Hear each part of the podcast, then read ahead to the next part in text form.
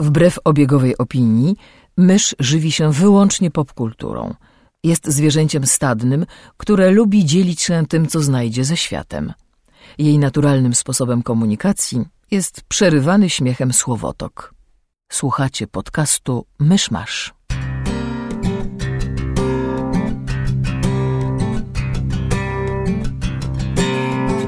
Gospodarzami podcastu Myszmasz są Krzysiek Ceran, redaktor portalu Avalon. Kamil Borek ze studia Kobart. i Mysz, autorka bloga Mysza Mówi. Drodzy słuchacze, jest 27 kwietnia 2015 roku, rocznica śmierci Ferdynanda Magellana. Zapraszam do 97 odcinka podcastu Myszmasz. Magellan miał na imię Ferdynand? Jestem prawie pewien, że miał. A, zapomniałam. Człowiek się uczy przez całe życie. Teraz zacząłem się zastanawiać, czy zdołałem to zapomnieć od, przez 15 minut, odkąd sprawdzałem ten e, niezwykle interesujący fakt, ale jestem prawie pewien, że, że Ferdynand. Nie, Ferdynand, Ferdynand. Ferdek Magellan. Ferdzie. E, witajcie, drodzy słuchacze, po kolejnej dwutygodniowej przerwie. Ups. E, poprawimy się kiedyś, być może. Nope. I tak, ja chciałbym zacząć od gier, w które nie grałem. I Okej. e, dopóki, dopóki nie wymienię komputera, to będzie coraz większy segment.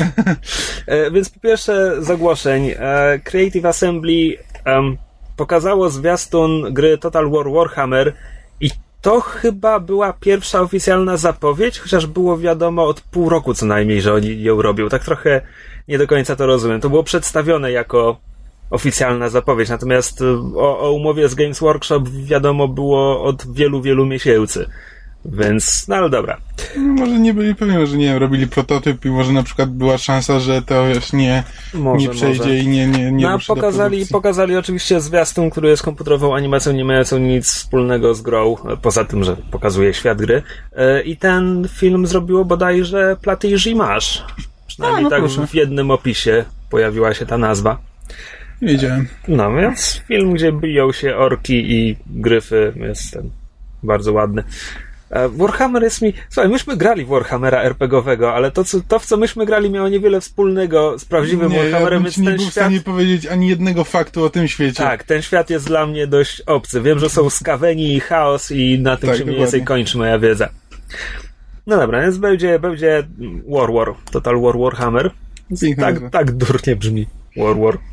E, inną zapowiedzią jest e, współpraca Telltale Games z Marvelem, która zaowocu, zaowocuje. em, bo ja wiem, no nie powiedzieli tego oficjalnie, ale coś mi mówi, że epizodyczną grą o postaciach z Marvela. Nie może być. E, przy czym na razie to jest dosłownie wszystko, co wiadomo o współpracy tych dwóch firm e, z datą na 2017. Coś wyjdzie w 2017. Fajnie by było, jakby na przykład dali tak możliwość stworzenia sobie własnego superbohatera, żeby, nie wiem, określony miał moce i to jakoś wpływało na rozgrywkę. To byłoby całkiem fajne.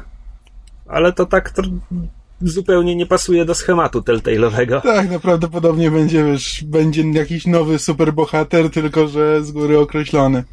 No właśnie nie wiem, czy zazwyczaj, nowy. no bo- No ale w Fabesach pozwolili ci grać Big Beam przecież. Niby tak, ale Zobaczymy. No, w tym momencie jestem ciekaw, czy to będzie takie prawdziwe komiksowe uniwersum Marvela z Avengers, mutantami, fantastyczną czwórką, Spider-Manem i resztą tałatajstwa, czy będą po prostu robić coś w świecie filmowym.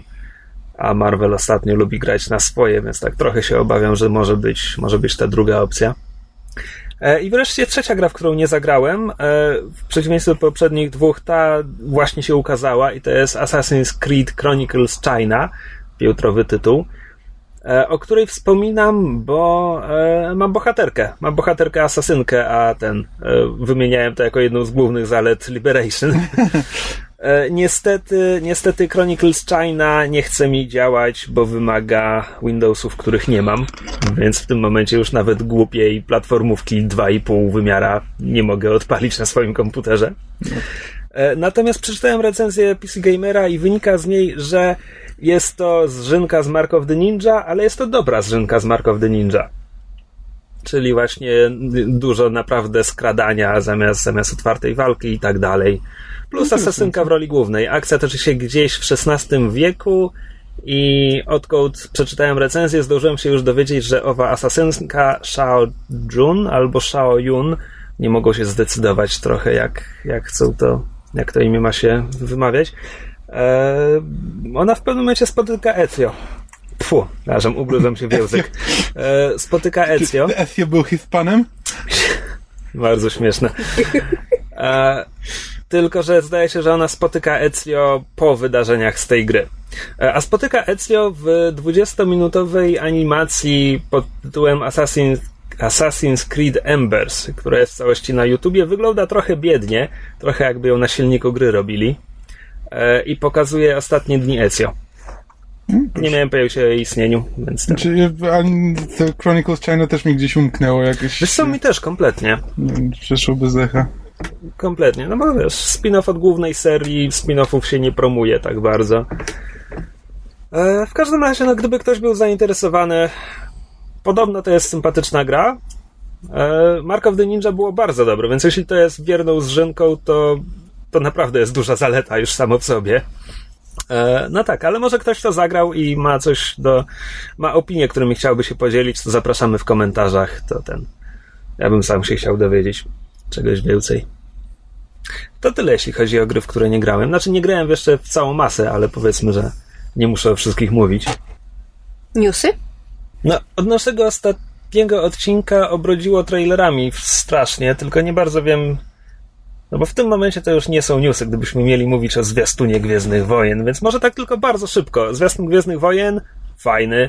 No. E, Zwiastun Batman V Superman Ech. wskazuje, że ten film będzie wierną kontynuacją Man of Steel, a o Man of Steel co myślimy już mówiliśmy, więc nie ma co e, drążyć tematu.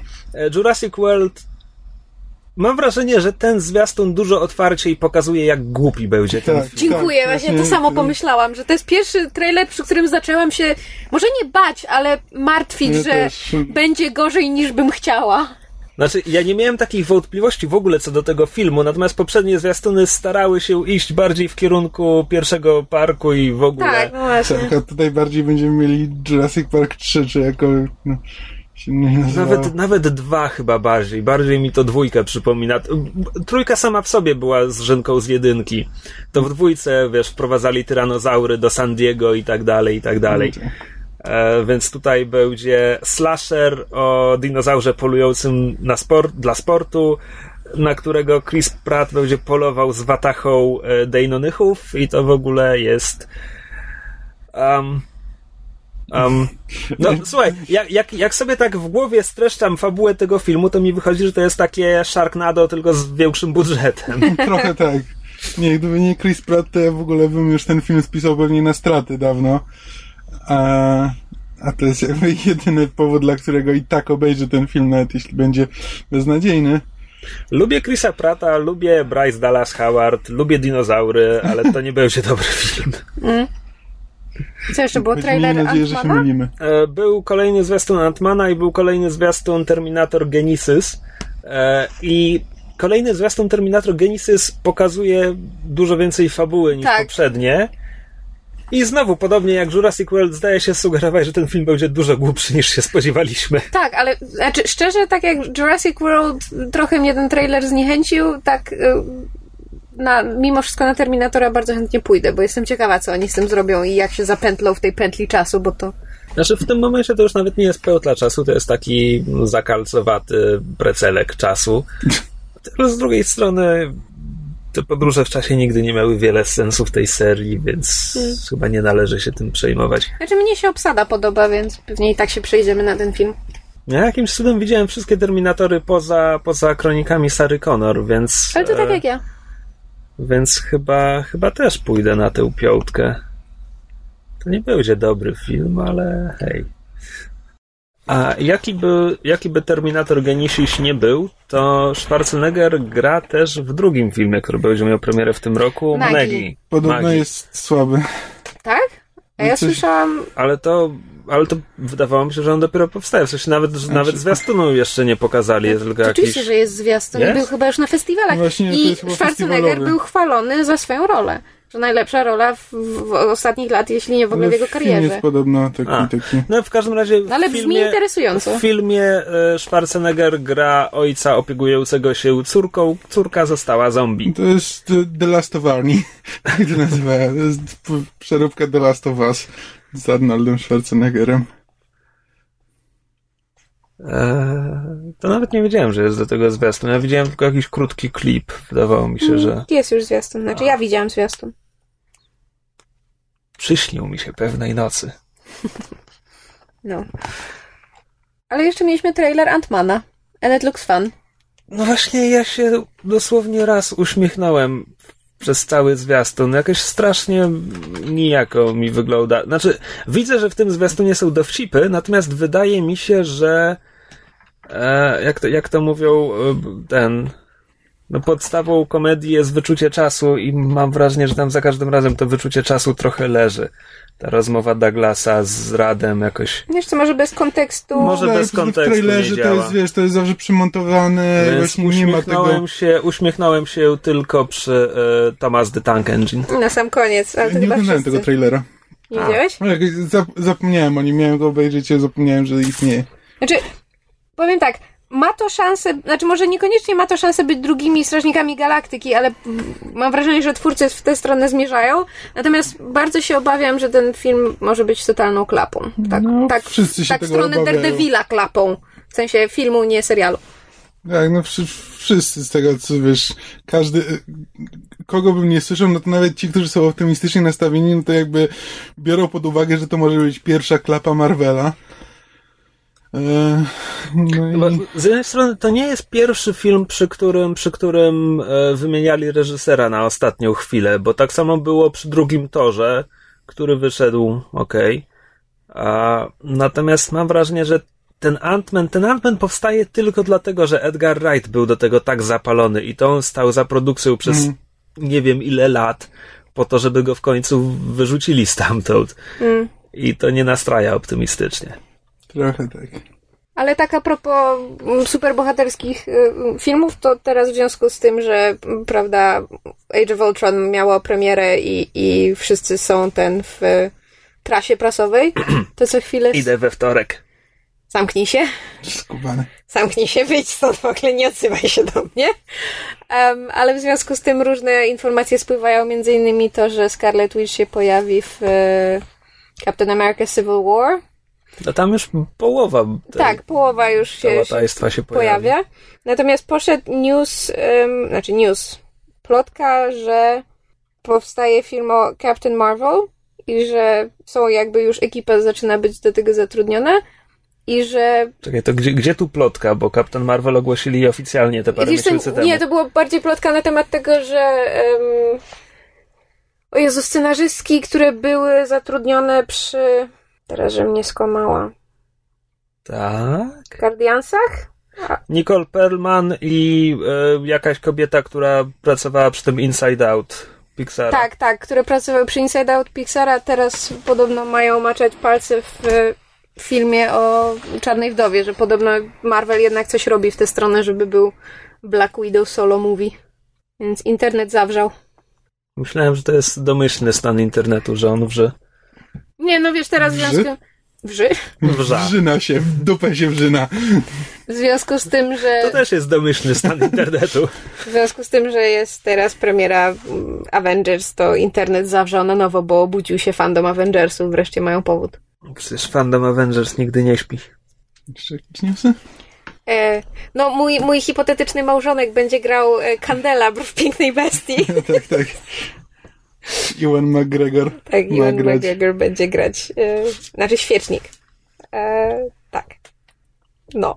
A Stanley Tucci będzie grał fortepian. Which is awesome.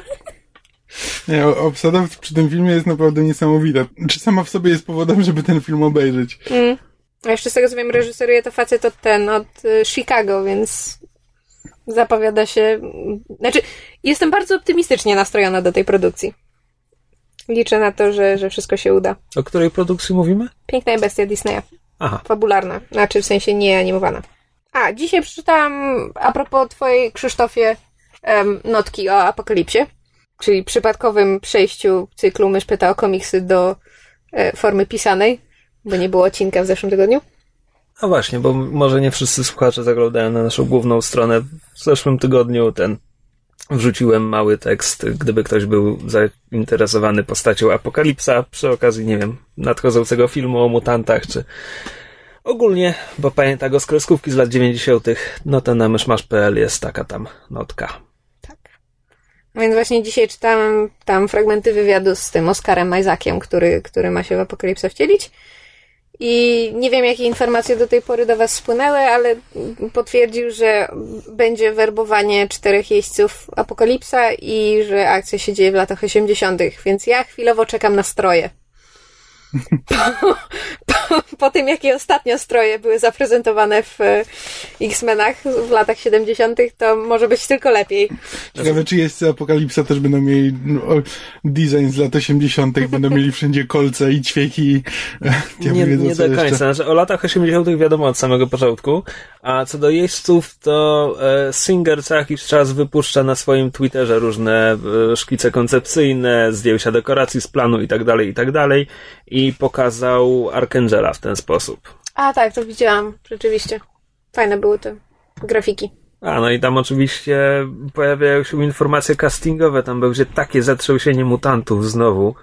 Jakby, to, to zawsze, zawsze napawa mnie obawą, bo to mi zawsze przypomina trzecią część X-Menów, gdzie też władowali 45 mutantów i wyszedł z tego bajzel straszny. No ale w X-Men Days of Future Past też było strasznie ich dużo, a w miarę sensownie to było rozłożone. No, to znaczy, no tak, no bo sensowne rozłożenie oznacza, że mamy tam postaci w rodzaju Blink czy Bishopa, których równie dobrze mogłoby tam nie być. No ale... No, byli, wiesz, po prostu zepchnięci na drugi plan, jakby mieli swoją mm, swoją linię fabularną, która jakby nie miała wiele wspólnego z resztą.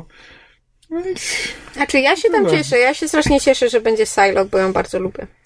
A jeszcze poszła, poszła, poszła plotka, znaczy plotka. News, że podobno Marvel chce ten e, Doktora Strange'a, zanim będzie miał film przedstawić w ten, po raz pierwszy w e, którymś z tych Netflixowych seriali, które będą bardzo możliwe, że w Iron Fistie albo w Luke'u Cage'u. Hmm. Co może być ciekawe. No, fajnie, że... To... No do Iron Fista jakoś piąte przez dziesiąte jeszcze jeszcze pasuje. E, a, to mi przypomina. E, Sony powiedziało, że następny film o Spider-Manie będzie filmem animowanym. Żyjesz? Aż się zakrztusiła. Cię zabije ten news. to nie dlatego. Ale nie ten, do którego teraz zbierają, znaczy wybierają młodego Petera. No nie, no młodego Petera wybierają do, do MCU, a to będzie taki a. film Sony że tak powiem, Sony Sony niepowiązany z MCU. Mhm. Jeśli się do tego przyłożą, to w sumie jestem na tak. Ja tak mało tych animacji oglądam. Oglądałem, podejrzewam, Mask of the Phantasm. Tak a propos animacji ze Spider-Manem. Nie, mówię ogólnie o animacjach komiksowych Mask i of... Under the Red Hood. E, to chyba wszystko. Widziałem jakieś fragmenty na Kanal Plus kiedyś. No nie, no widziałeś na pewno też Son of Batman, bo o nim rozmawialiśmy. A, tak, tak, tak, Son of Batman. I widziałem fragmenty Justice League War, ale to dosłownie, dosłownie fragmenty. No dobra, to chyba już e, ten, skrobiemy od nobeczki z newsami. Tak, to, to chyba tyle, jeśli chodzi o news. Tak, to znaczy jeszcze z newsów był... Tak? Come on, let me have this, let me segue into it. E, mieliśmy z newsów jeszcze wyciek odcinków Gry o Tron, a ponieważ mieliśmy omówić pierwsze dwa odcinki, które wyszły legalnie do tej pory, to można o tym wspomnieć, bo wiem, Krzysiu, że ty chyba chciałeś się na ten temat w trzech słowach wypowiedzieć. Znaczy na temat jakby wycieku i odcinków, bo to w końcu miał premierę nowy sezon.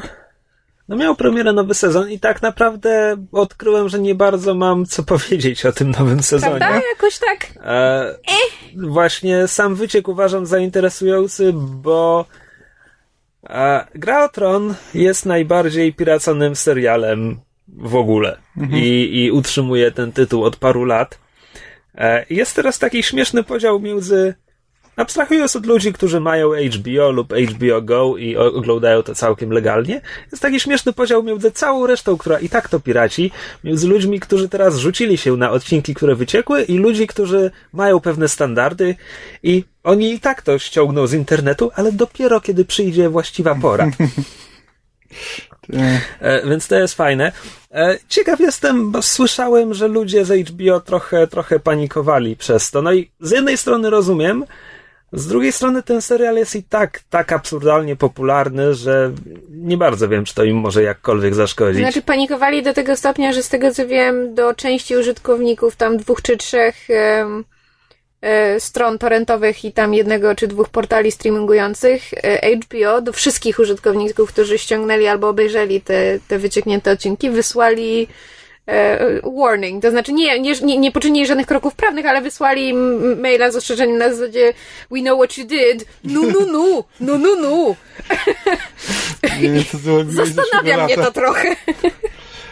Um, znaczy, wiesz, ja się nie dziwię, że oni się trochę, trochę panikują, no bo całe, całe HBO jest oparte o to, że ludzie będą rozmawiać o tych odcinkach, a w tym momencie stracili jakby kontrolę nad tym, kiedy ludzie będą rozmawiali, o którym odcinku i tak... Tak, i normalnie uznałbym te, ten argument, gdyby nie to, że mówimy o ekranizacji książek sprzed 20 lat. Znaczy, okej, w tym momencie już e, wchodzimy w książkę sprzed zaledwie 7 lat. Eee, no nie, no, no nieważne. Eee, w każdym Nie, ale razie... mi bardziej chodzi o, wiesz, o word of mouth, że jakby HBO, cały model HBO jest oparty o to, żeby tworzyć jakby e, kulturowe fenomeny, e, o to, żeby właśnie Stracili ludzie... momentum. Tak, żeby ludzie jakby rozmawiali e, jakby oni wtedy mogą sterować tym, że okej, teraz będzie, teraz wszyscy będą mówili o tym odcinku i co tam się w nim nie wydarzyło, więc ktoś będzie zachęcony do tego, żeby go obejrzeć. A w tym momencie nagle wszyscy, wszyscy już opowiedzieli, zanim w ogóle była premiera, to już wszyscy się wypowiedzieli na temat tych pierwszych czterech odcinków i trochę takim pewnie, wiesz, marketingowo to mogło nabrudzić. Ciekaw jestem, czy, czy znaleźli osobę, która to wpuściła do sieci. Bo to któryś recenzent, recenzenci dostawali No. na płytach początek sezonu. Z tego co wiem, znaczy słyszałam plotki, że tak, że znaleźli i została, że tak powiem, po cichu zwolniona. Ale możliwe, że to jest, mm, że tak powiem, tylko spekulacja. Ciekawe, że po cichu. Ciekawe, że nie, nie chcieli z tego zrobić właśnie. No podejrzewam, że, że nie chcieli Przykład. bardziej tego rozdmuchiwać już. Może. W sumie po co? No już jest po ptakach, prawda? Mleko się wylało i teraz mogą tylko właśnie po cichu, wiesz, zwolnić tę osobę i no co, co, co mają straszyć resztę swoich recenzentów? No jak człowiek jest inteligentny, to wie, że takich rzeczy się nie robi. Jeden się trafił ciućmok, no to prawda, trzeba sobie z nim poradzić. Nie, nie, nie, znaczy nie, nie, nie widzę, dlaczego mieliby zrobić z tego jakieś publiczne wieszanie. No, to tak. E, to ja, że tak powiem, obejrzałem tylko te pierwsze dwa odcinki, a wy? Też. Niech, niech ta cisza mówi sama za siebie. E, I. I co? No jest gra tron, jest, jest spoko. Pierwszy odcinek to jak zawsze przypomina po prostu kto gdzie jest, co się stało. I tam nie bardzo działo się cokolwiek. E, w drugim trochę akcji się zaczyna dziać, głównie na murze, a mur zazwyczaj jest nudny, więc nie szczególnie. Ja mam wrażenie, że po prostu już twórcy wpadli w rytm. I już jakby no, tworzą grę o tron. I jakby wszyscy wiedzą, jak ten serial ma wyglądać, co się w nim będzie działo i to już nie jest taki, wiesz, taki fenomen, jak był na początku, gdzie, wiesz, nigdy nie było wiadomo, co się stanie, tylko teraz to, że nie wiadomo, co się stanie, to już się stało taką rutyną, że właściwie nikt się tym nie przejmuje i tak, taki mają już, wiesz, mają już swój stały rytm, stałą rutynę i jakby te odcinki zaczynają wyglądać tak samo i nie wiem, no takie po prostu wrażenie, że oglądam to, no i, no i tak, no to jest gra o tron, to jest wciąż bardzo fajny, bardzo fajna opowieść, bardzo fajna historia, e, świetne postaci, ale no emocji jakoś już wielkich przy tym nie czuję. Mm. No tak, i to jest, to jest jakby odstępstwa od książek mieliśmy już mniejsze i większe właściwie od samego początku. W poprzednim sezonie już było dużo, dużo filerów, gdzie postaci nagle robiły rzeczy, których, których w książkach nie robiły tylko po to, żeby w, w tym sezonie w ogóle miały coś do roboty. E, Cały Jon Snow w zeszłym sezonie, to był taki wątek na przykład. Mm. E, Natomiast w tym sezonie już bardzo wyraźnie od, twórcy odchodzą od książek lub je wyprzedzają. Więc wątek Tyriona gna na złamany kark w porównaniu z tempem, w jakim to się działo w książkach. Mm. E, I co prawda jeszcze nie w tych odcinkach, ale jakby wiem, wiem ze zdjęć z planu i tak dalej, że, że do, już w tym sezonie dojdzie w tym wątku do rzeczy, których w książkach, je, do, do których w książkach jeszcze nie doszło. Rzeczywiście jakby w, w, serialu, w serialu to Westeros otacza jakieś jezioro może, bo ten zasadniczo przy, przepłynięcie między Westeros a tymi z odległymi, Eos. tak, Eos, jakkolwiek się... Dobrze pamiętam, Eos to się nazywa, nie?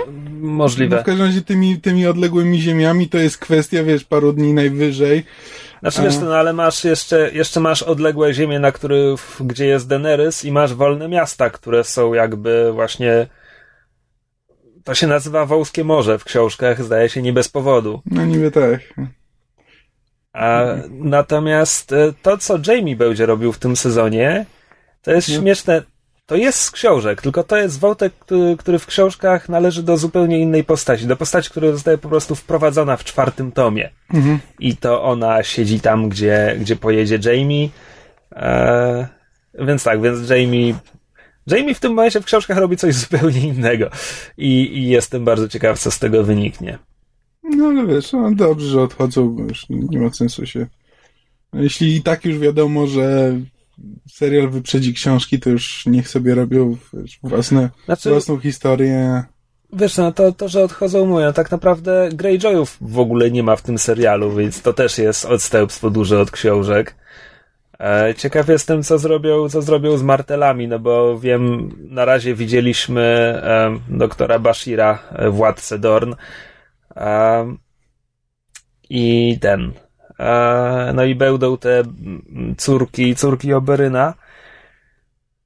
Natomiast w książkach Wątek Dorn obserwujemy z, nie wiem, trzech różnych punktów widzenia i tam jest cała masa postaci i tak sobie myślę, że to zostanie no, bardzo... To są trzy zupełnie nowe postaci. Tak, tak, tak. tak. E, więc, więc jestem ciekaw, jak to zostanie skompresowane do serialu. Zwłaszcza, że po dwóch odcinkach jeszcześmy tych córek nie poznali.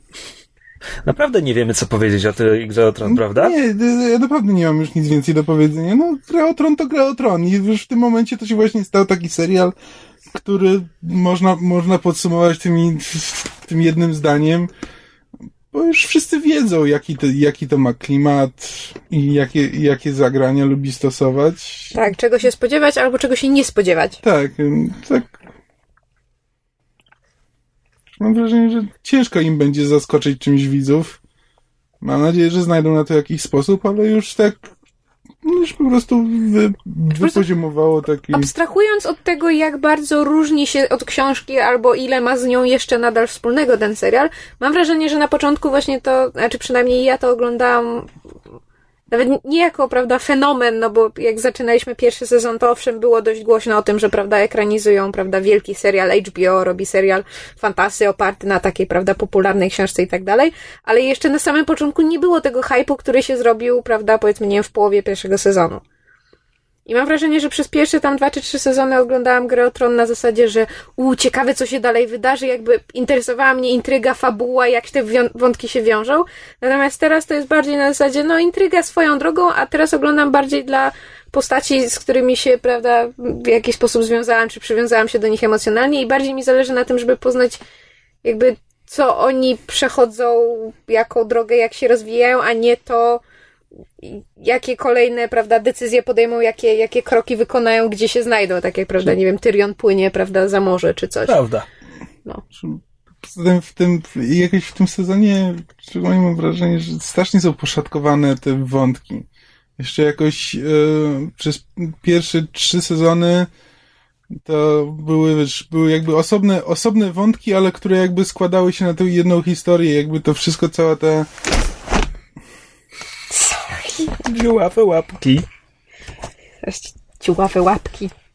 Nawet jeśli się coś u Starków działo, to jakby mieliśmy poczucie, że wiadomo jaki to ma wpływ na to, co się dzieje bardziej na południu, jak to się z tym wiąże, a teraz tak, wiesz, każdy jedzie w inną stronę świata, i każdy ma jakąś swoją historię, która jakby, nie wiem...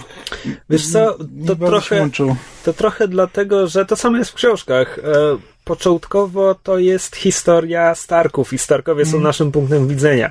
W momencie, kiedy połowy Starków nie ma... Połowy? E, to ten szkielet się trochę. połowa.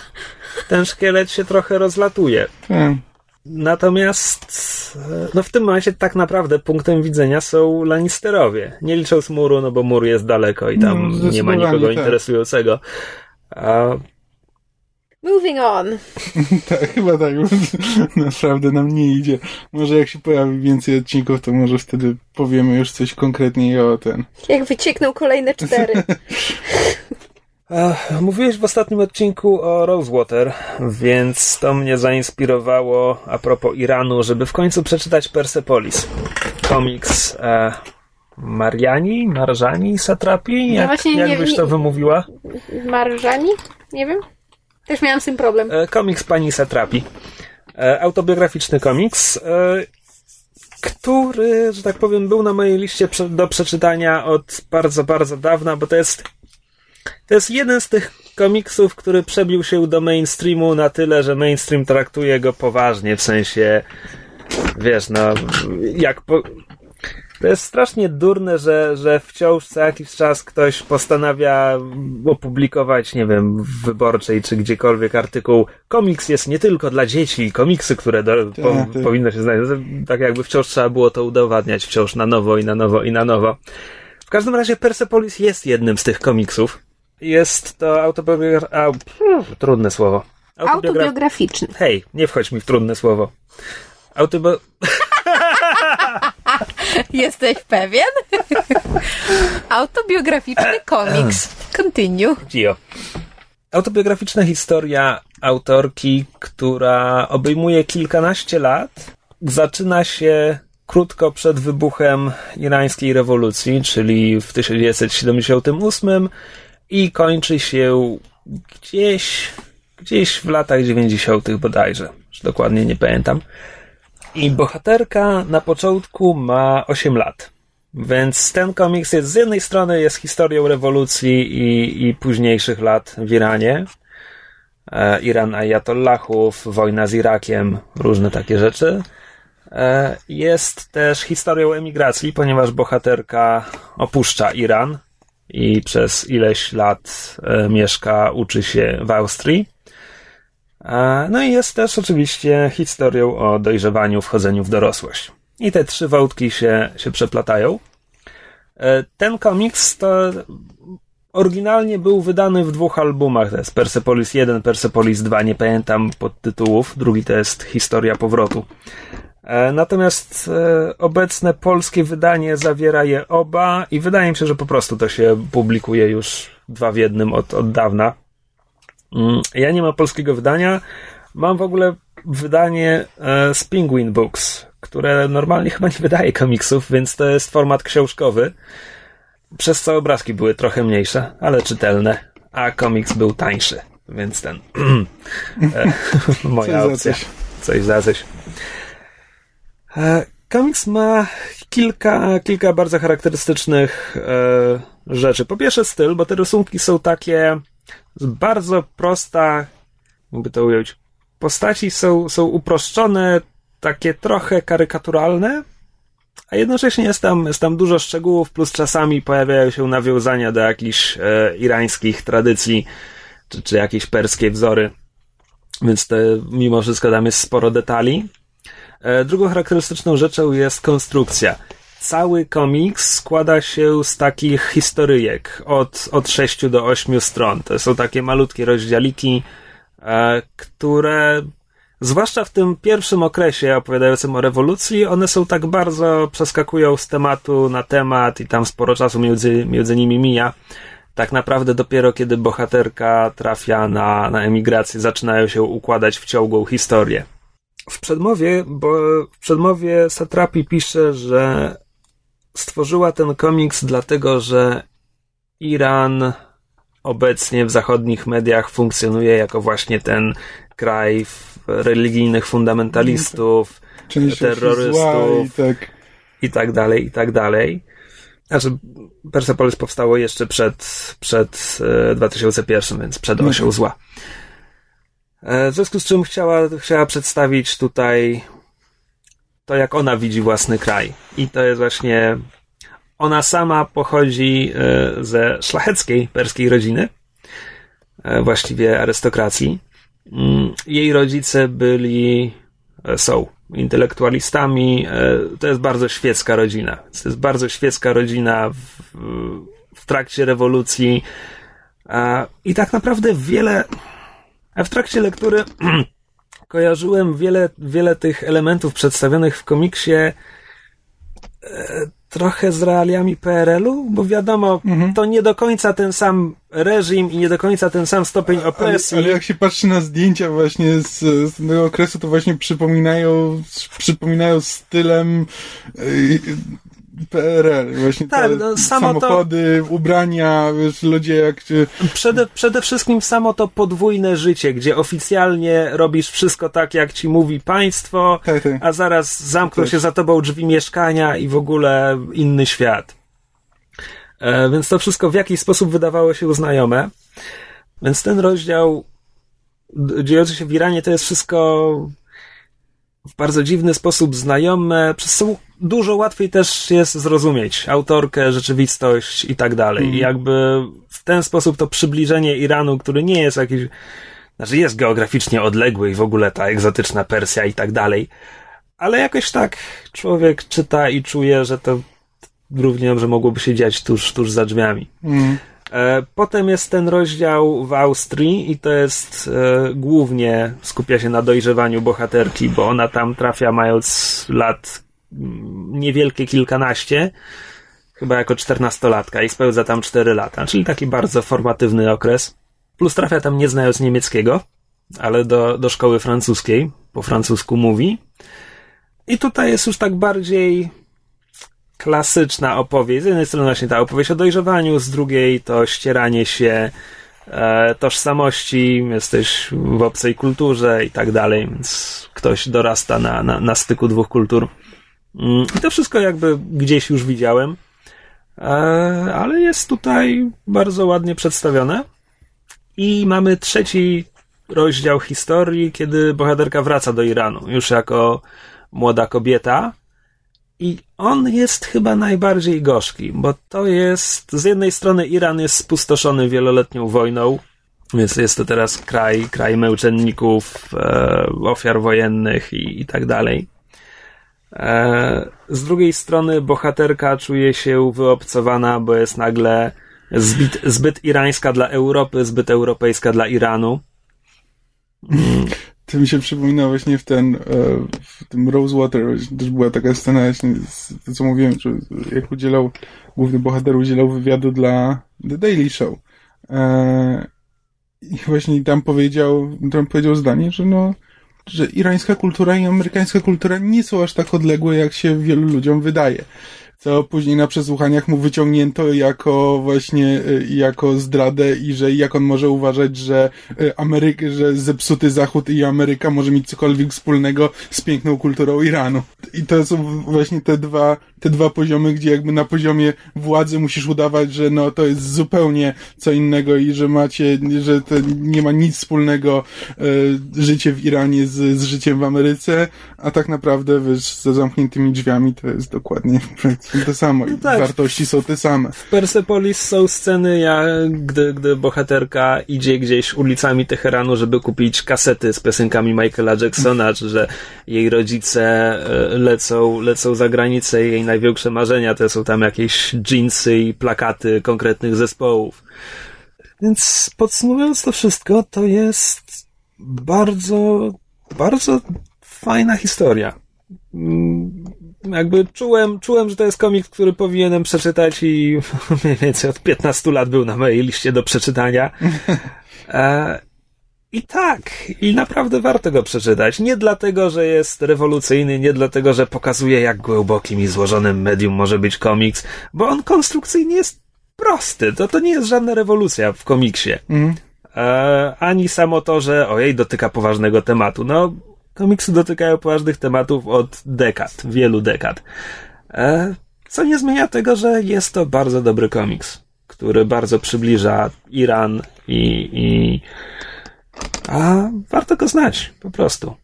Plus jest podzielony na mikroskopijne rozdziałiki, więc można go czytać, e, wiesz, można rozciągnąć lekturę na miesiące i Nie, nie masz tak naprawdę wrażenia, że przerwałeś go w połowie, bo to tam tak naprawdę nie, nie jest bardzo spójny.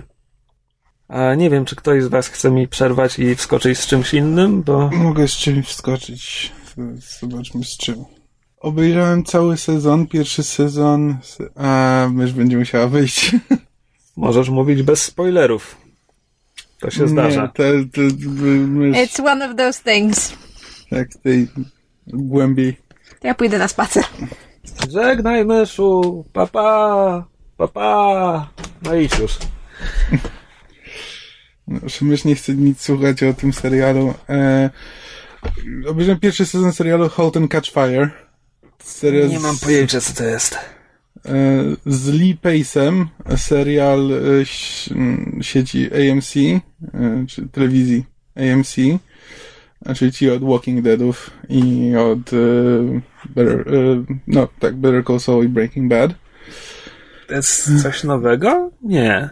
Znaczy no sprzed roku niecałego, Aha. bo za chwilę, za chwilę wchodzi drugi sezon. To jest serial o prerii krzemowej, Przepraszam, preria krzemowa? Właśnie te, używają, e, używają tam sformułowania, zapomniałem, miałem to sprawdzić dokładnie czym się różni, że tam używają właśnie sformułowania Silicon Prairie. E, ale Silicon Valley też się pojawia, więc e, to jest chyba jakiś znaczy, ogólnie jest... Czyli jakieś zagłębie technologiczne, Tak, tylko nie... Tylko, że to nie jest to, że wiesz, oni po prostu tworzą, wiesz, tworzą podzespoły, e, podzespoły elektro, elektroniczne, ale to nie jest ta Dolina Krzemowa, która, w, to nie jest Microsoft, tylko to jest, wiesz, mała firma Cardiff Electrics, jakby zmyślona na potrzeby serialu. Przepraszam, Cardiff? Cardiff Electrics, tak. Czy akcja serialu toczy się... Nie, w Stanach się Aha. toczy, a Cardiff to jest nazwisko właściciela, więc to jakby nie ma nic wspólnego z Cardiff Valley. Aha. E, I to jest kom, y, kompletnie fikcyjna opowieść, mimo że jakby dzieje się, w, dzieje się właśnie w, w latach 80. E, jakby początek boomu na komputery. IBM ma z, jakby praktycznie cały rynek, a wszyscy tylko ewentualnie, jeśli ktoś tworzy jakiś komputer, to jest to klon IBM-a. I w, ty, w tym krajobrazie właśnie pojawia się Lee Pace, który odszedł z IBM-u i przyszedł do, znalazł właśnie jednego z pracowników tego Cardiff Electrics, inżyniera, bo przeczytał jego artykuł i chce go, y, chce go zwerbować, żeby właśnie stworzyć własny komputer. Właśnie klon, klon IBM-a, tylko dużo lepszy i, i mają jakby, chce, chce go zarazić swoją wizją. E, I właśnie Lee Pace gra takiego, no on jest, on jest handlowcem, on jest sprzedawcą tylko, zna się na komputerach, ale nie na tyle, żeby coś, wiesz, coś sam zrobić jakby z, kojarzy, e, ale ma wizję. On gra właśnie takiego, nie wiem, Steve'a Jobsa, po prostu człowieka z wizją, który no mniej więcej zna się na tym, co, co robi, ale no samemu, samemu nic nie stworzy. Potrzebuje, potrzebuje ludzi. E, I wiesz, obiecuje, obiecuje wielkie rzeczy, nie wiedząc jak je osiągnąć, ale po prostu liczy na to, że ktoś, ktoś je zrobi mimo wszystko.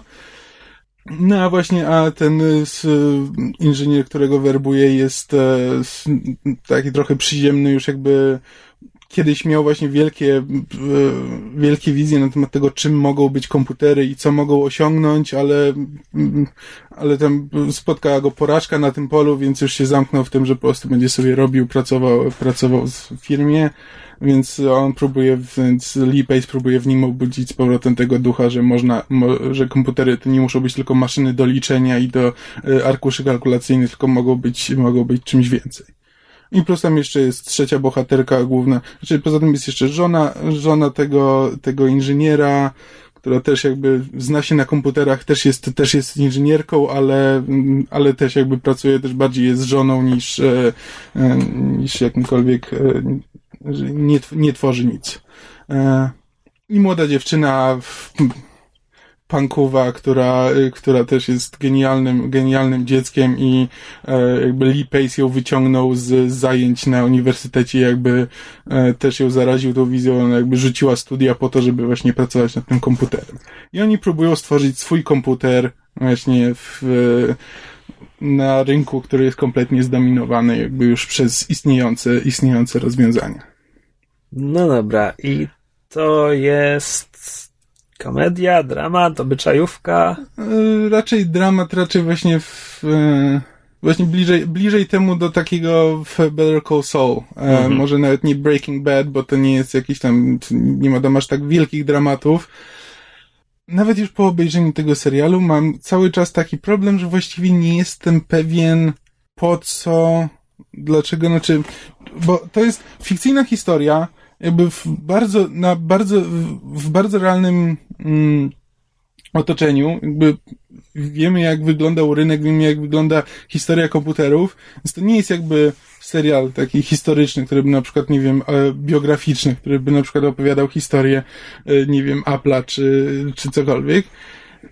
E, Jest fikcyjny, ale no jakby wszystko musi się potoczyć tak, jak się potoczyło, albo musi kompletnie odejść od tego. Właściwie nie jestem pewien, po co coś takiego robić? Jakby nie, nie, nie, nie, do końca jestem pewien, czemu właściwie, czemu właściwie chcą zupełnie jakby nowy komputer, szczególnie, że jakby widać w serialu, że jakby oni tworząc ten komputer jakby wpadają na rozwiązania, które tak naprawdę jakby urodziły się wiele lat później, jakby wiesz, że są, że myślą, myślą trochę taką terminologią i w, która wtedy jeszcze w ogóle nie, była nie do pomyślenia, jakby e, więc to tak ciężko właściwie stwierdzić, że niby chcę pokazać właśnie ten, ten światek tych komputerów z lat 80., ale też e, myśląc tak jak ludzie już w latach, no powiedzmy 90.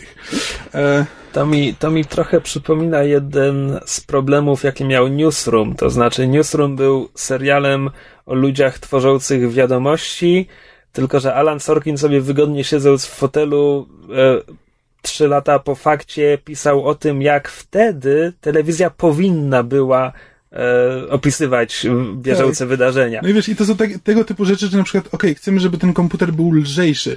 Co możemy zrobić? A może byśmy użyli ekranów LCD zamiast, e, zamiast CRT?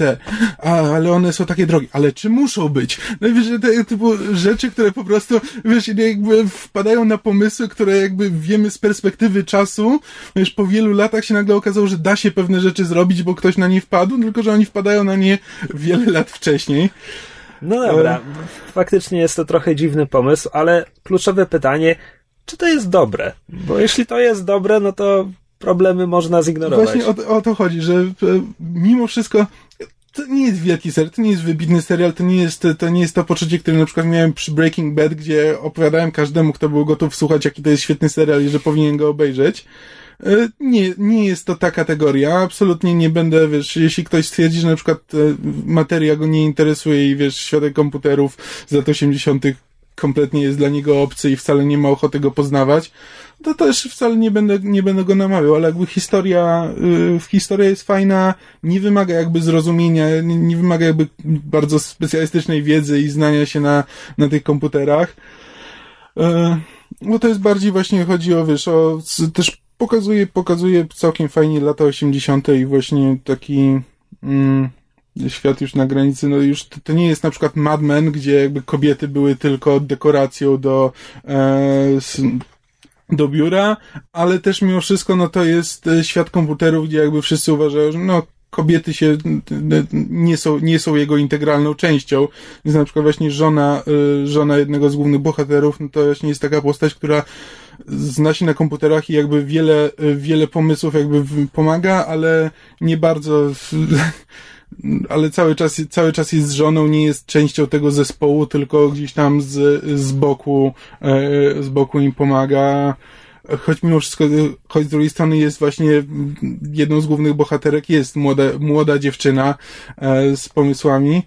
Tak, no właśnie tak serial troszkę, troszkę się miota między tym, co właściwie, co właściwie chce pokazać. Z jednej strony mamy, wiesz, mamy świat, w którym kobieta próbująca zajmować się komputerami jest czymś dziwnym, z drugiej strony, no, uznaje to, uznaje to za normalne wtedy, kiedy to jest potrzebne. Jest fantastycznie zagrany. Jakby Lee Pace, e, Lee Pace jest świetny, choć mam bardzo duże zastrzeżenia do tej postaci, bo serial lubuje się w tym, że my nic nie wiemy o tej postaci. Ona jest po prostu pełna tajemnic, bo pojawia się znikąd. E, jeszcze tam już chyba w pierwszym odcinku się dowiadujemy, że po tym jak odeszła, że jakby wiemy, że odeszła z IBM-u, ale pod koniec ostatniego, e, pierwszy, pod koniec pierwszego odcinka się okazuje, że e, przez rok nikt nie wiedział, gdzie była w, mieszka w mieszkaniu, w którym praktycznie nie ma mebli. Nikt, wiesz, nikt nie wie, e, co, czego on chce, jakie ma, wiesz, że ma jakąś tam wizję, ale nikt nie wie, do czego, do czego dąży. Robi, wiesz, potrafi, wiesz, potrafi mieć takie lekko maniakalno-depresyjne zachowania, gdzie, wiesz, wpada na pomysł i musi go zrealizować niezależnie od tego, że, wiesz, wszystko się, wszystko, co do tej pory zrobili się spieprzy z tego powodu. Jakby i serial strasznie się lubuje w tym, żeby właśnie pokazywać go jako taką kompletnie tajemniczą postać. No, jest, jest kilka opcji. Albo w tym czasie podróżował po Azji, ucząc się sztuk walki i teraz wrócił, albo wziął udział w wojnie i teraz podszywa się pod kogoś, kto zginął na tej wojnie, Albo, czekaj, co jeszcze? Tak, jeszcze też w pierwszym odcinku y, zdejmuje koszulę i jest cały pobliźniony. Wiesz, po prostu... Czekaj, no, mówisz poważnie? Autentycznie. Wow! tak, ten serial po prostu każdy A, tak... No, no to proste, no to spełdził je na odległej wyspie na Morzu Południowochińskim. To, nie, to się wyjaśnia później, ale no, w każdym razie ten, wszystko, co tylko się da, jak, jak kiedy tylko można, to, y, to w ogóle pokazują, że wszystko, co o nim wiedzieliśmy, to jest nieprawda ale też nie wiemy, co teraz jest prawdą, bo wszystko może być prawdą, ale wszystko też jest nieprawdą. Po prostu serial tak bardzo chce zrobić z niego kogoś bardzo tajemniczego, że to w którymś momencie staje się śmieszne. W serialu o informatykach z lat 80. to tak, tak bardzo nie pasuje. Dokładnie, dokładnie. To jest kompletnie, kompletnie gdzieś z boku. To jest, wiesz, to jest zagranie, które by było absolutnie na miejscu w Arole, i dokładnie jest rozwiązaniem Zaroła. A w tym serialu jest tylko po to, żeby w sztuczny sposób budować napięcie, moim zdaniem, i, e, i dramatyzm, jakby decyzje, które on podejmuje są właśnie często, często jego decyzja jest tym, co napędza fabułę danego odcinka. Jakby, wiesz, taka decyzja, której nikt się nie spodziewał i które z, i nagle wywraca wszystko do góry nogami. I chyba to jest tylko, tylko właśnie po to, żeby właśnie pokazać taką postać, która jest gotowa na wszystko i jakby nie myśli, nie myśli o konsekwencjach, ma jakąś tam wizję i nic jej nie zatrzyma, e, ale w którymś momencie to się staje po prostu nudne. No jeśli mamy postać, o której się, wiesz, nie wiemy nic i tak naprawdę niewiele się o niej dowiadujemy, no to w którymś momencie po prostu zaczyna mnie to nudzić, śmieszyć, a, a nie intrygować. No dobra, i to mimo to, mimo to mimo polecasz? To, po, mimo to polecam. Naprawdę to jest bardzo, dobry, bardzo dobry serial.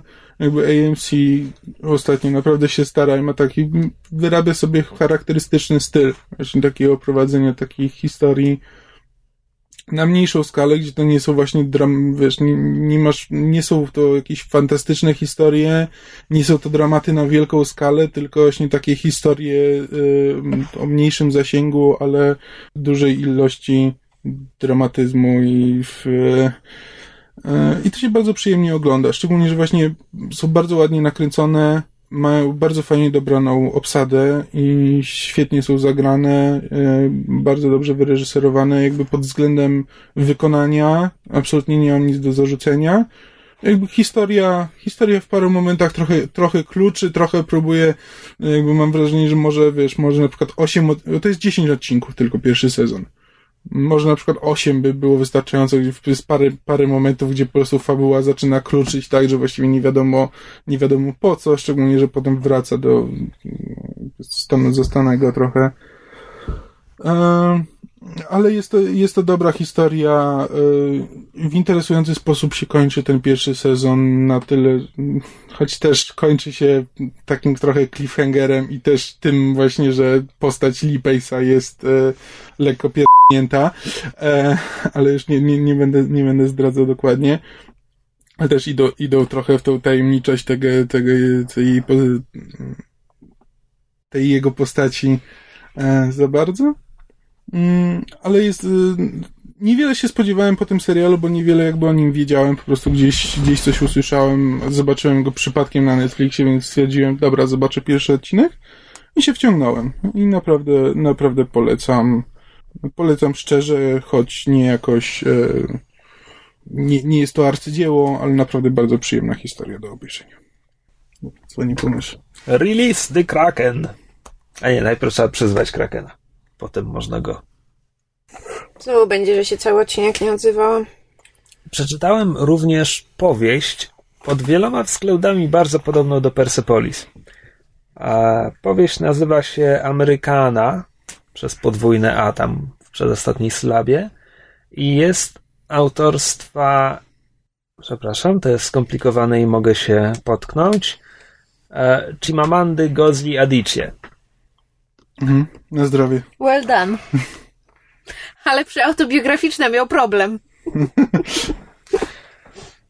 E, To jest nigeryjska autorka, która studiowała, e, studiowała w Ameryce, bodajże w Princeton. I Amerykana e, Sue Price jest o Nigeryjce, która emigruje na studia do Ameryki, po czym wraca do Nigerii. Więc tu jest to podobieństwo z Persepolis, bo zaczynamy w państwie, w, za- zaczynamy w ojczyźnie, jedziemy na obczyznę i wracamy do ojczyzny. E, tytuł Amerykana to jest właśnie określenie, jakim e, jakie Nigeryjczycy stosują, żeby opisać Nigeryjczyków wracających z Ameryki. Tych e, zameryka, zamerykanizowanych Nigeryjczyków. A technicznie rzecz biorąc, powieść ma dwoje bohaterów, bo mamy główną bohaterkę Ifemelu, i mamy jej chłopaka z liceum, tak, z liceum e, Obinze, który mniej więcej w tym samym czasie, kiedy ona jest w Ameryce, on emigruje do Anglii, ponieważ on nie dostaje wizy do Ameryki, co im trochę komplikuje życie. E, I mamy rozdziały, które prezentują jego życie w Anglii, i to jest jakby zupełnie, ponieważ Ifemelu ma trudny początek w Ameryce, ale potem, potem idzie jej całkiem nieźle e, jest na studiach, zakłada bloga, blog staje się szalenie popularny, zostaje blogerką, profesjonalną blogerką e, i potem bawi się z amerykańską inteligencją i ogólnie wiedzieje się dobrze. E, Imigranckie doświadczenia Obinze w Anglii e, nie wyglądają tak różowo. To znaczy, on tam e, najpierw pracuje na czarno bardzo długo, a, a potem e, jest już tylko gorzej. Więc technicznie biorąc, książka ma dwójkę bohaterów, tyle tylko, że um, musiałbym dokładnie policzyć, ale tak na oko 85% objętości to jest Ifemelu. A Obinze ma tylko kilka rozdziałów i tak naprawdę nie jestem przekonany, jakie one pełnią rolę e, w książce. To znaczy, ten, ten rys, to inne imigranckie doświadczenie jakoś pogłębia mm, kwestie, którymi zajmuje się książka. Natomiast tak sobie myślę, że równie dobrze moglibyśmy poznać te wydarzenia z perspektywy Ifemelu, kiedy Obinze jej o tym opowiada i tak sobie myślę, ale to jest takie, wiesz, myślenie z rodzaju, ja bym to napisał inaczej. E, Tymczasem tak. Powieść ma kilka, kilka głównych tematów. W pewien sposób też jest powieścią o dojrzewaniu. Co prawda, bohaterka na starcie jest, jest starsza niż w Persepolis, ale w dalszym ciągu to są formatywne lata e, liceum, studia, te w, w późne, późne lata nastoletnie, wczesne dwudzieste. Zresztą powieść też, też obejmuje kilkanaście lat. Nie policzyłem dokładnie ile. Może dziesięć. E, Z drugiej strony mamy kwestię właśnie imigranci e, w obcym świecie. Obcym jednocześnie nie obcym, bo i Ifemelu, i Obinze e, byli bardzo dobrymi, bardzo dobrymi uczniami, studiowali w Nigerii, wiele wiedzą o świecie, o Ameryce, czytają, czytają zachodnich autorów i tak dalej, więc jakby znają ten świat a potem, i to jest kluczowe zdanie, kluczowe zdanie dla całej książki. Ifemelu ląduje w Ameryce i tam odkrywa, że jest czarna. To znaczy, No tak. e, pochodząc z Nigerii, kwestia jej rasy kompletnie, kompletnie nie istniała. Kompletnie nie istniała i nagle znajduje się w państwie, gdzie rasa stanowi o wszystkim. E, I później... E, Przypomina ostatnio, e, słuchaj, oglądałem podcast, e, z, tfu, jaki podcast? Stand-up e, Trevora Noah, który ma zastąpić Johna Stewarta w The Daily Show. I właśnie on tam, pi- pi- i jedno z pierwszych zdań, jakie właśnie mówi to, że tylko, że on jest, on jest z kolei z południowej Afryki, więc tam te kwestie rasy to nie są też tak e, ten e, jest, jest Południowa Afryka No ma właśnie. długie, długą historię Dokładnie. problemów Właśnie, rasowych. Ale on właśnie powiedział, że właśnie że pojechał do Ameryki, bo chciał być czarny. E, bo, tak, bo jakby ma zupełnie, zupełnie jakby inne jakby bycie, bycie czarnym w południowej Afryce jest czymś zupełnie innym niż bycie czarnym w, w, w Ameryce. Tak. To jest jak mi się po prostu przypomniało, ten, jak, jak o tym powiedziałeś. E, tak, więc Ifemelu, Ifemelu w Ameryce odkrywa, że jest czarna e, i blok, którego zakłada ładnych parę lat po przylocie do Ameryki, więc to nie jest, to nie jest tak od razu. Zakłada bloga, który jest właśnie o kwestiach rasowych. E, I w książce dość regularnie pojawiają się całe, całe akapity, które są jakby jeden do jeden przeniesieniem tego, co ona pisze na blogu. Ona prowadzi anonimowo bloga o kwestiach rasy i tam co jakiś czas narracja zostaje przerwana i mamy po prostu artykuł, jakąś historię. Tak. Więc e, to w tych fragmentach ta powieść przybiera taką bardzo eseistyczną formę. E, i zajmuje się właśnie kwestią z jednej strony, że imigrantka, z drugiej strony, że kobieta, która odkrywa, że jest czarna po przylocie do Ameryki, z trzeciej strony jest czarna, ale nie jest afroamerykanką. I to jest bardzo duża różnica. I właśnie różnice, różnice między, między e, amerykańskimi czarnymi i nieamerykańskimi czarnymi są No właśnie, Jakby- to jest... bardzo, bardzo dużo, dużo miejsca zajmują w tej książce. Do tego wszystkiego jest to historia miłości. Jest to historia miłości i Femelu i Obinze i oni potem nie widzą się przez całe lata i Femelu wikła się w różne związki. E, wikła się w, w Ameryce w związek e, z bardzo dobrze sytuowanym białym, e, z dobrze sytuowanym amerykańskim e, afroamerykaninem, który jest wykładowcą na uniwersytecie. I to jest fantastyczna postać. Tu już nie będę, nie będę za głęboko wnikał, ale jest dużo, jest dużo o czarnej wściekłości. Wściekłości na białych i, i całą tę amerykańską historię i e, braku zgody na akceptowanie świata, jakim jest i, i na ten taki uśmiech, który mówi, że rasizm już nie istnieje i że przecież nasz prezydent jest czarny. Zresztą kampania Obamy też jest, e, bo to jest, to się właśnie akcja powieści toczy się e, kiedy jeszcze, kiedy jeszcze Bush jest prezydentem i potem e, kandydatura Obamy jest, jest tematem w powieści. Tak, i potem wszystko się kończy, kiedy Fiemelu wraca do Nigerii i tu znowu mamy ten kontakt, że ktoś po latach nieobecności wraca do swojego kraju i nie do końca poznaje swój kraj i wie, że się zmienił na obczyźnie i też musi jakąś równowagę między tym wszystkim e, na nowo odzyskać.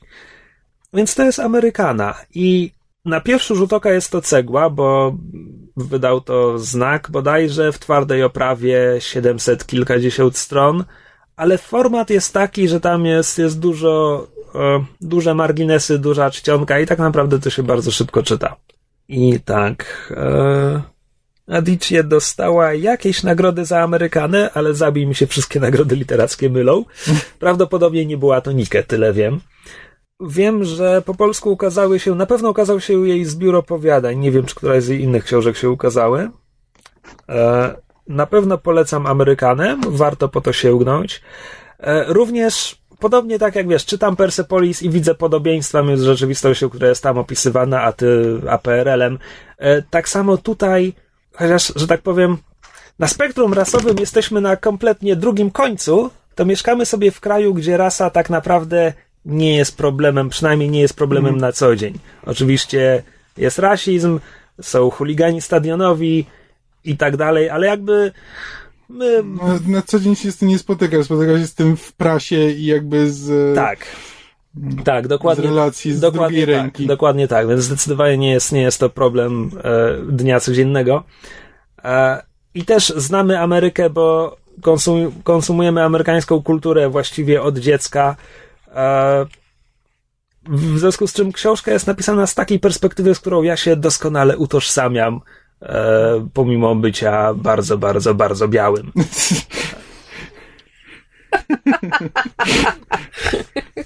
Nasza śnieżynka. Tak. I Amerykana jeszcze, e, ona się ukazała w Polsce chyba dwa lata temu. I pamiętam, że przeczytałem parę recenzji w prasie i wpadły, zapadły mi w pamięć porównania do Białych Zełbów Zadie Smith. I kompletnie ich nie rozumiem. To znaczy, poza tym, poza tym, że niebiała autorka pisze o bohaterce, która też nie jest biała, plus jest, jest wątek imigracji, to poza tym to są kompletnie różne powieści. Ale ten, Białe Zełby też są bardzo fajne, ale to może kiedy indziej. Um, czytałeś Białe? Wiesz co, zaczęłam, nie skończyłam, czytałam Zadie Smith um, o pięknie, chyba taki jest Mhm. polski tytuł, On Beauty.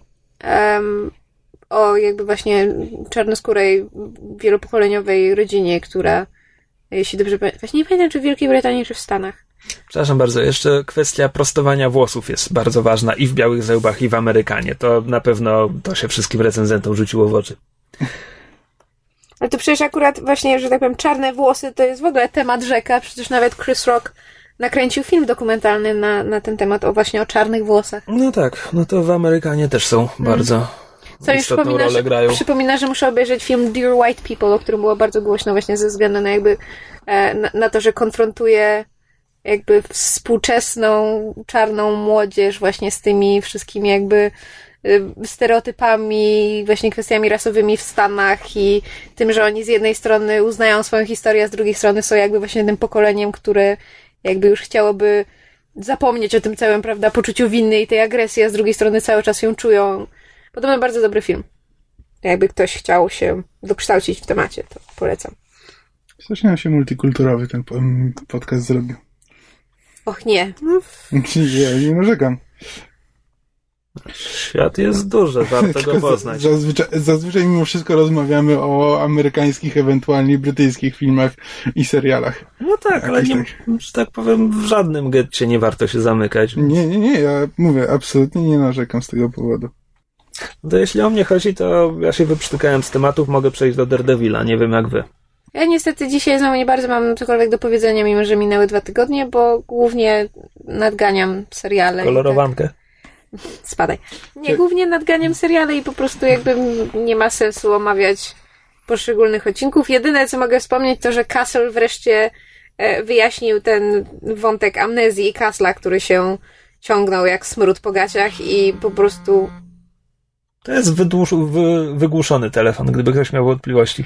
I po prostu mi już totalnie łapy opadły, bo to już to, to nawet to nawet nie jest skakanie przez rekina. Oni już po prostu tego rekina zastrzelili, wypchali i powiesili na ścianie. To już po prostu totalnie mi ręce opadły, a No dobra, teraz. to mam, mam pytanie. Porzuciłem Kasla po pierwszych trzech, czterech odcinkach tego sezonu. Czy jest sens wracać? Nie. Zwłaszcza, że, bo mi przerwałeś, em, poszedł news, że owszem, Nathan Fillion wróci na kolejny sezon, ale nie ma żadnej gwarancji, że Stana Katic wróci. Bardzo możliwe, że będzie bez Ojej, Beckett. jest aż tak źle. Tak, więc Wow. no. Ojej. O Jezu, to, to u, uwielbiam Nathana Filiona, ale nie wiem, jak ten serial będzie wyglądał. A ty to jeszcze oglądasz?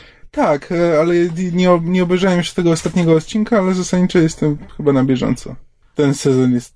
Powiem mu komplement i powiem, że jest nierówny.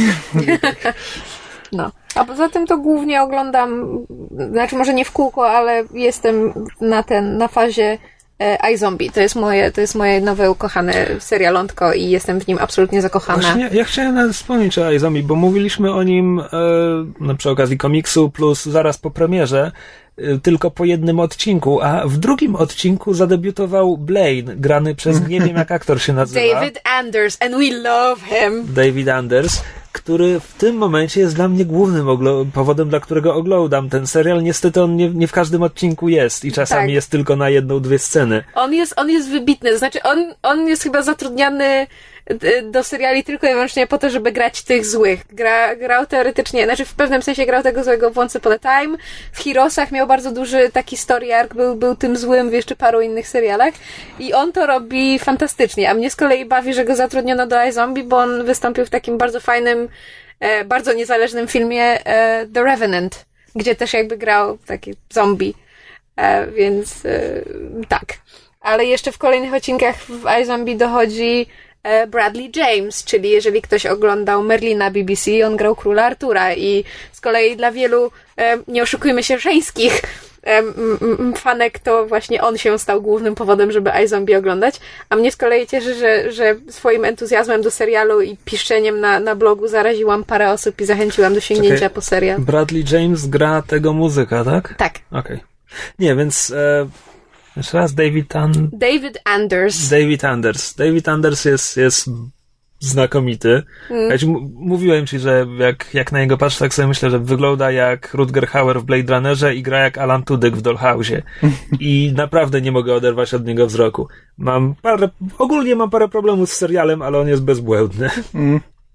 Ja złego słowa na serial powiedzieć nie dam, jestem w nim absolutnie zakochana i właśnie wczoraj Kamilowi mówiłam, że dawno nie miałam czegoś takiego, że autentycznie chciałabym móc przewinąć dni tygodnia, żeby znowu był ten dzień, kiedy się pojawia nowy odcinek.